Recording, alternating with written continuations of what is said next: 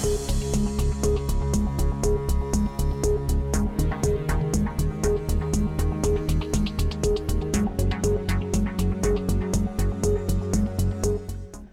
velkommen til Et ord fra Jerusalem, programmet fra Internasjonale kristne ambassade Jerusalem. I studio i dag sitter eh, forkynner Eva Olsvold Sundar, og mitt navn det er Dag Øyvind Juliussen. I Den kristne ambassaden har vi to hovedoppdrag. Det ene er å bringe trøst, solidaritet, omsorg, eh, støtte fra den kristne kirke globalt eh, til det jødiske folket, og spesifikt nasjonen Israel. Og på den andre siden så underviser vi menigheter og kristne over hele verden. Og det vi underviser om, det er hva Bibelen sier om Israel, det jødiske folket, hva som skjer i våre dager, det profetiske ord, at frelsen kommer fra jødene, osv. Og Eva, du har virka som forkynner i 19 år, og har i de senere årene jobba i eh, arbeidet vårt. Hvordan opplever du engasjementet og, og, og, tilbakemeldingene der du eh, reiser, Eva? Jeg syns det er interessant å se at uh, dette engasjementet virker å bli sterkere. Uh, det er helt klart. Jeg syns at uh, i senere år så, så, så, skjer det noe, rett og slett, og, som er veldig positivt. Og det er at kanskje menigheter hvor, som ikke har hatt dette noen gang, eller som kanskje ikke har hatt denne forkynnelsen på veldig, veldig mange år, uh, tenker at oi, dette er viktig, dette må vi ha fokus på. For vi må jo erkjenne her at i kirkehistorien så har dette med jødefolket og Isa vært liksom som et sort eh, felt. Hvor det har vært lite forståelse. Tvert imot så hadde det vært prega av eh, erstatningsteologi. Ja, og det syns jeg Det er jo egentlig skremmende, og det er veldig få som er klar over det. Hvor ille egentlig den kirkehistorien er og hvilken teologi som har hersket eh, rundt dette, og hvor, hvor ubeskrivelig lite du kan si, forståelse det har vært av Det gamle testamentet, mm. og av profetores profetordets gyldighet også i vår tid. Da. Og når folk på en måte forstår mer av dette, så er det liksom veldig mange som er sånn Er det mulig, liksom? Oi, hvorfor har jeg ikke hørt dette før? Hvorfor er det ingen som har forkynt dette før? Og det syns jeg er en, uh, Ja, det er veldig bra, da. At, uh, at folk får den opplevelsen. Og det som er interessant her, er jo det du sier, at det er både en eh, positiv respons fra deltakere, eller folk som møter opp, men, men også at det er nye miljøer, nye menigheter og nye sammenhenger som kanskje ikke har hatt denne fokusen tidligere, men som nå rett og slett ber om undervisning, ber om seminarer. Eh, det er jo interessant. Ja, det er veldig interessant, og det er jo vi kjempeglade for. For det er eh, noe vi ønsker i ambassaden, så er det jo nå hele tiden lenger ut. Mm. Fordi den undervisningen er utrolig viktig for menigheten. Og kanskje spesielt i et land hvor uh, man til stadighet får uh, i hvert fall en veldig sånn ja, Man må jo kunne si en ganske ensidig uh, vinkling da, på det som skjer i Midtøsten. Så, så, er det klart at her er det veldig viktig at de kristne i hvert fall kan stå stødig i forhold til eh, det som har med Guds ord å gjøre oppi dette. Mm. Og her kommer jo troen av eh, Altså troen kommer av forkynnelsen. Så det er jo klart at hvis, hvis ikke dette forkynnes i våre menigheter og i våre sammenhenger, så blir det jo fort vekk eh, veldig blankt. Og det, er som du, og det er som du sier, Eva, at i, særlig her i Norge, tror jeg vi kan si, så er det så mye negativt om Israel, med slagside, ubalansert dekning. Dette har vi hatt mye om på radioprogrammene våre her i Et ord fra Jerusalem. Eh, men det gjør jo at det finnes mange, og særlig kanskje yngre kristne, som eh, bare hører hva mediene sier. Og når de kommer til sine kirker, de kommer til sine menigheter, de kommer på sine ungdomsmøter, og de hører ingenting om hva Bibelen sier om disse tingene. Og det er jo problematisk. Det er veldig problematisk, for det farger dem. Og uh, selvfølgelig gjør det det. Og, og, hvis man da ikke har en forståelse på en måte av, krist, av de kristnes ansvar mm. eh, i forhold til denne konflikten, så, og at det angår deres tro på et vis, og det er jo det det gjør, da. Altså Også veldig positivt så angår det troen vår. Så man mister jo på en måte en helt vesentlig del uh, av undervisningen i Guds ord. Så nei, det er, det er veldig viktig altså, at du ser at det åpnes opp mer for dette. Mm. Eh, vi snakker jo her om på en måte skisma Eller vi snakker ikke om det, men det er en del av det vi sier her. Det er et skisma mellom hvordan samfunnet forholder seg, hvordan mediene dekker det her. Spesielt her i Norge. Og så kommer vi på våre møter og preker om at uh, vi er kalt til å velsigne det jødiske folket. Vi kalte kalt til å elske dem. Vi står i gjeld til dem, sier Paulus. Eh, hender det da at du møter på noen som lurer på hvordan henger dette sammen? At dette bildet som gis i media, blir så veldig annerledes enn det som vi preker? Eh, ja, og da er det jo veldig viktig på en måte å, å gå til ordet, da. Og det, det, er klart at hvis man De aller fleste, tror jeg, egentlig er i en menighetssammenheng hvor det ikke blir undervist i det hele tatt. Jeg tror ikke det er sånn at det aktivt undervises, undervises i erstatningsteologi, men jeg tror som oftest er det det at det er ikke noe undervisning om det i det hele tatt. Og, og, det er klart at når du får en type undervisning som viser på en måte at profetordet er gyldig i dag, og løftene til jødene er gyldig i dag For det er jo det veldig mange tror, at det ikke er gyldig i dag.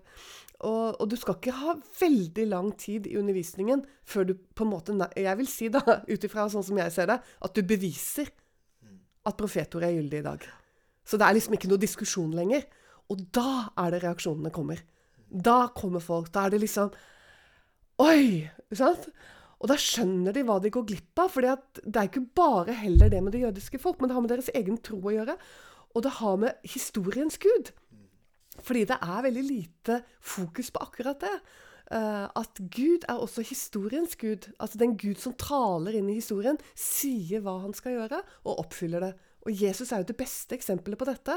At profetene forkynte ham både 500 og 700 og 1000 år ikke sant? før han kom. Så forkynte profetene både om hvor han skulle fødes, hans tjeneste, eh, den stammen av Israel han skulle komme fra, hvilken ett han skulle komme fra. Alt dette ble nedskrevet mange mange hundre år før. Og dette gjelder jo i særlig grad også i det profetiske når vi kommer til jødefolket og til Israel. Det er skrevet ned. Og det som skjer i dag, er skrevet ned i lang tid før. Og når folk virkelig skjønner det, og ser detaljene i det, detaljrikdommen Sånn at det er ikke noe du kan diskutere lenger, hvorvidt dette gjelder i dag. Vi vet at det gjelder i dag. Og det er sjokkerende for mange. Og det er positivt sjokkerende. Vi skal snakke mer om det her, men vi skal høre på litt musikk først.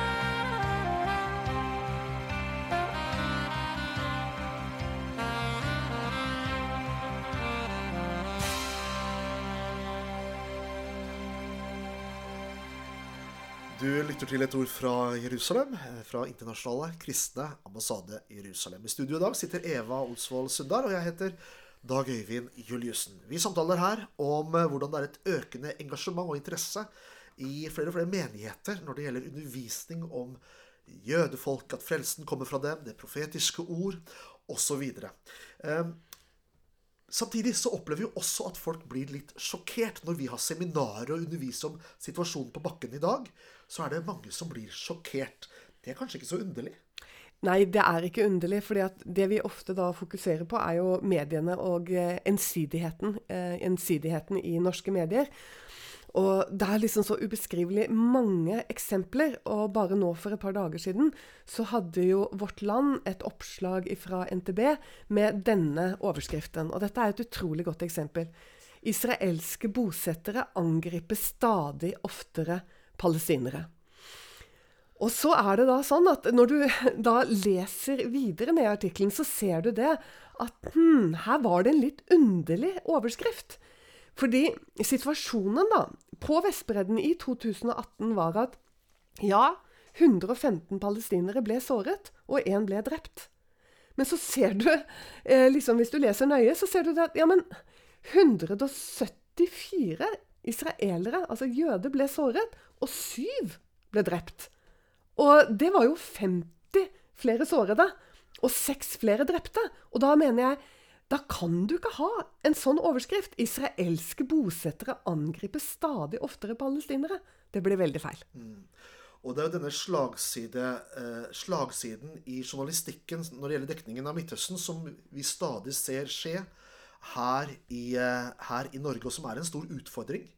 Og faktumet er jo at det, er mye terror som rammer israelerne som, som ikke kommer fram ofte. Som rett og slett ikke kommer fram. Og hvis vi nå holder oss til 2018, så ser vi det at uh, i januar, bare i januar måned, så, ble, så var det totalt 332 terrorangrep bare i januar. Nå snakker vi ikke om bare Vestbredden, nå snakker vi om Israel. Men allikevel 332 i januar. Og i februar så var det 384 angrep. I, i, i mars så var det totalt 300. Og april 386.